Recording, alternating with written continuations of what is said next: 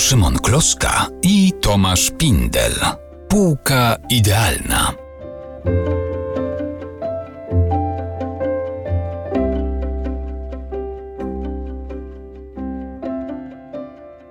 Ja rozumiem, że dzisiaj nie będziemy się spierać co do książki, która mm, stanie na naszej półce idealnej. To znaczy, możemy się spierać o różne rzeczy, ale chyba nie o to, czy ona powinna się tu znaleźć na tej półce, czy nie. Nie, co do tego nie ma cienia wątpliwości, bo dziś będziemy mówili o powieści, co do której panuje powszechna zgoda, że jest to powieść absolutnie klasyczna.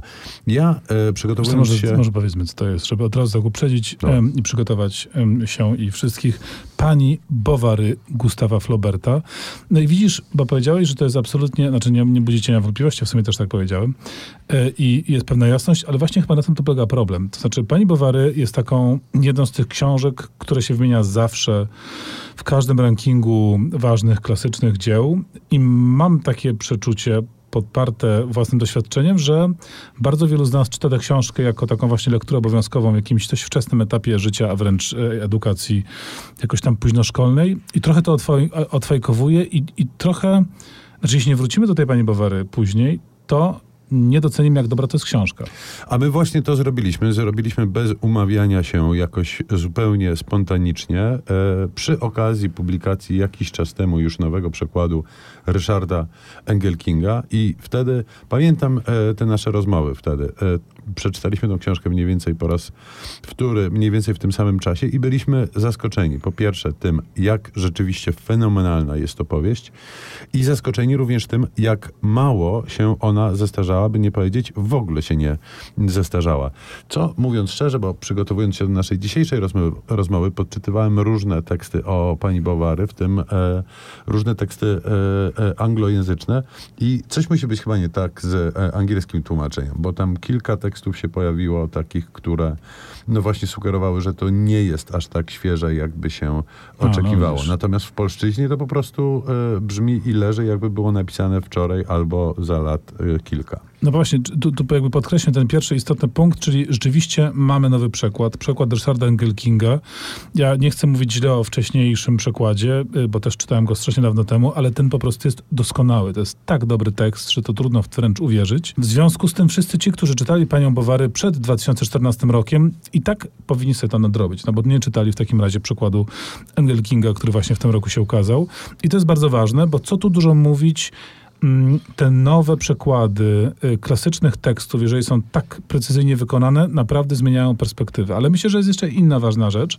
Ja to widzę po sobie. No, pamiętam doskonale, jak czytałem panią Bowary w jakiejś tam właśnie drugiej czy trzeciej klasie liceum, jako taką lekturę jakoś chyba uzupełniającą i patrzyłem sobie też niedawno przy okazji mm, tej relektury na opinie internetowe zamieszczone przez właśnie młodzież czytającą i takim typowym komentarzem jest Jezu, ale głupia baba, nie? Co za po prostu histeryczna, jakaś nieznośna, wystrzegajcie się przed takimi babami, bo po prostu histeryzują, a potem jeszcze popełniają jakieś sepuku.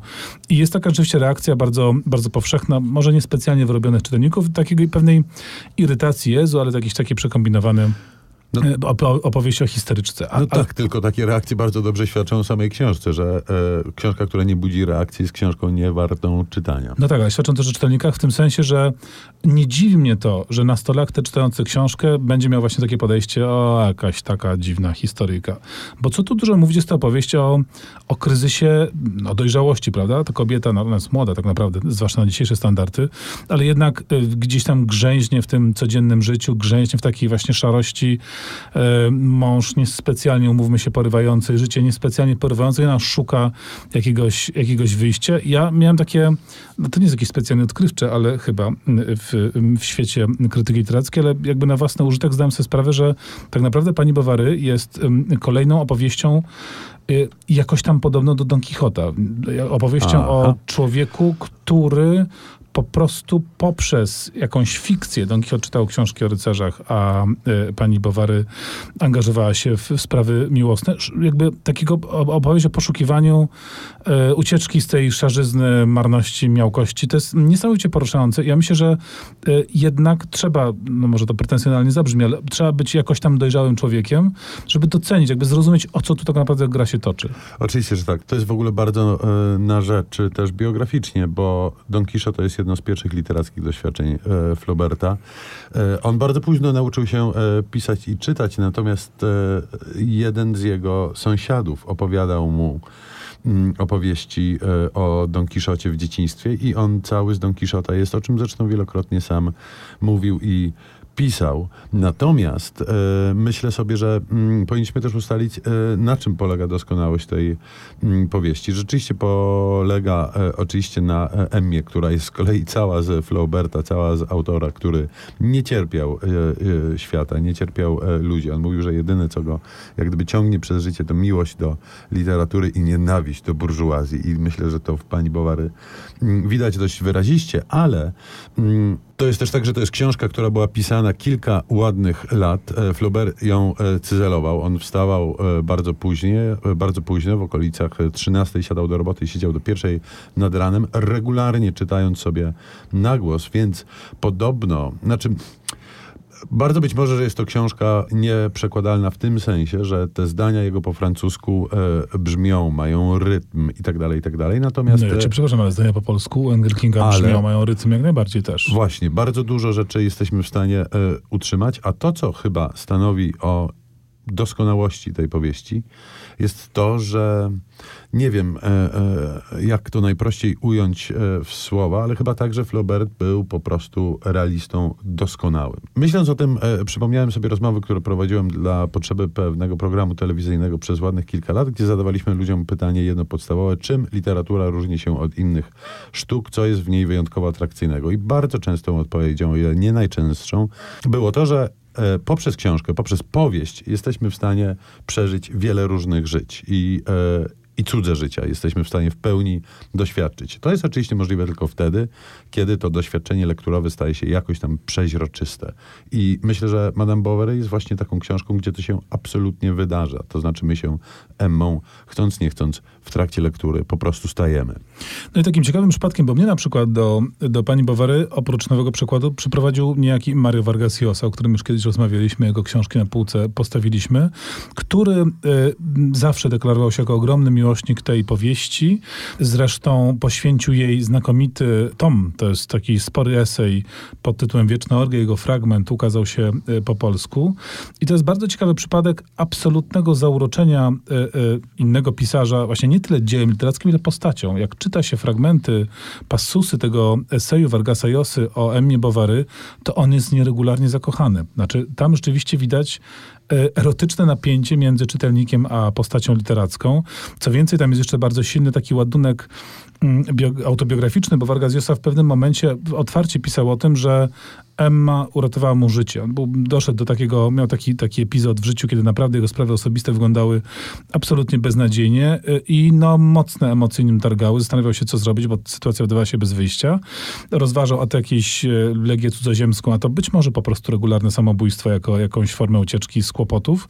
I jak powtarzał, uratowała go Emma. Czytał te sceny, ten rozdział, kiedy Emma zażywa truciznę i ta śmierć Emmy ratowała jego życie. Rzeczywiście tam jest taka bardzo, bardzo silna relacja i faktycznie, tak jak mówisz, ta, ta powieść pozwala na taką relację y, y, bardzo właśnie mm, osobistą. Trudno nie mieć osobistego stosunku do tej, do tej postaci. Trudno się nią nie przejąć.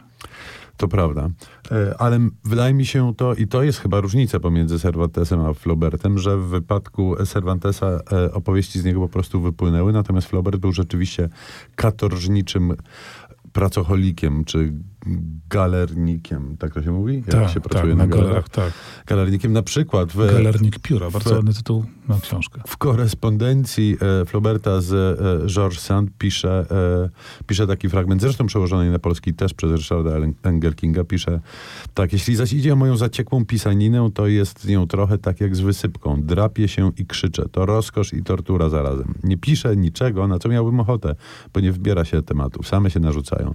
Czy znajdę kiedyś mój własny, czy spadnie mi z nieba pomysł absolutnie zgodny z moim temperamentem, czy uda mi się napisać książkę, w której dam całego siebie. Pisał to już po napisaniu Madame Bovary e, i Udało myśląc o swoich Gustawie. przyszłych, mm, przyszłych projektach literackich. Rzeczywiście udało mu się, ale e, szło to jak e, po grudzie i niesamowite jest to, że tego nie widać. To znaczy trudno wyobrazić sobie coś lżejszego. I tak jak powiedzieliśmy, Emma jest przekonująca. Stajemy się Emmą, empatyzujemy z nią w pełni, ale to dzięki całej masie rzeczy, których właśnie w tej książce nie widać. To znaczy, na, na przykład detal i to, jak on operuje detalem, że są rzeczy, które są, e, nie wiem, momentami mi się to e, kojarzy z idealną pracą e, e, kamery i operatora i ze świetnym montażem, że tam są rzeczy tylko, które są niezbędne. Nie ma tam e, e, pustych przebiegów, a jednocześnie mamy poczucie pełnej naturalności, że nic nie jest nam narzucane, że ten świat Emmy,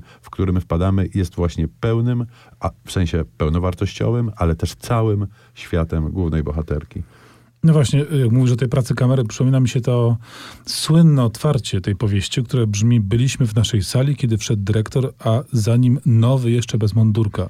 I to jest ten, ten osławiony, zdumiewający początek, taka trochę rysa na tej powieści, ale rysa ewidentnie świadoma. W pierwszym, y, y, w pierwszym zdaniu, w pierwszym słowie ona się pojawia.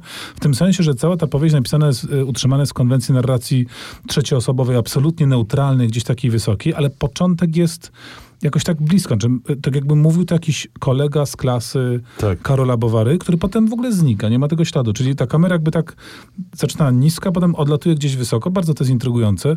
Ja muszę też powiedzieć, że to, co mnie absolutnie urzekło, oprócz faktycznie, y, znaczy obok tego, tej kwestii językowej i kwestii detalu, to jest też... Mm, to jest też pomysłowość scen. Znaczy jednak pisarza, tak jak i filmowca, poznaje się po tym także, jak kompiluje, jak tworzy konkretne sceny. Trzeba pamiętać, że pani Bowary jest powieścią, co tu dużo mówić, o seksie w znacznej mierze, o erotyce. Pisaną w czasach, kiedy no, cenzura jednak obyczajowa dość mocno trzymała pisarzy. Pamiętamy, że przecież y, y, Flaubert y, miał proces o obrazy moralności, y, z którego wyszedł obronną ręką, no, ale musiał się tłumaczyć, dlaczego takie świństwa dzieją się w tej jego powieści, więc on i tak musiał pisać to językiem na dzisiejsze standardy ezopowym. I to jest absolutnie genialne. Na przykład scena miłosnego y, spotkania w karecie, miłosnego, po prostu aktu seksualnego w karecie. Tak, o, jest o którym nie wiemy nic tak naprawdę. Ale z tak? majstersztykiem. Kareta jedzie, prawda? Powóz jedzie przez miasto, y, mija różne rzeczy i widzimy tylko dłoń, która się wysuwa z y, or, or, odrękawiczoną, czyli nagą Tak, dłoń, nagą dłoń. kobiety, która wysuwa się z, przez okienko i, i jakby nic więcej, a zarazem wszystko wiemy.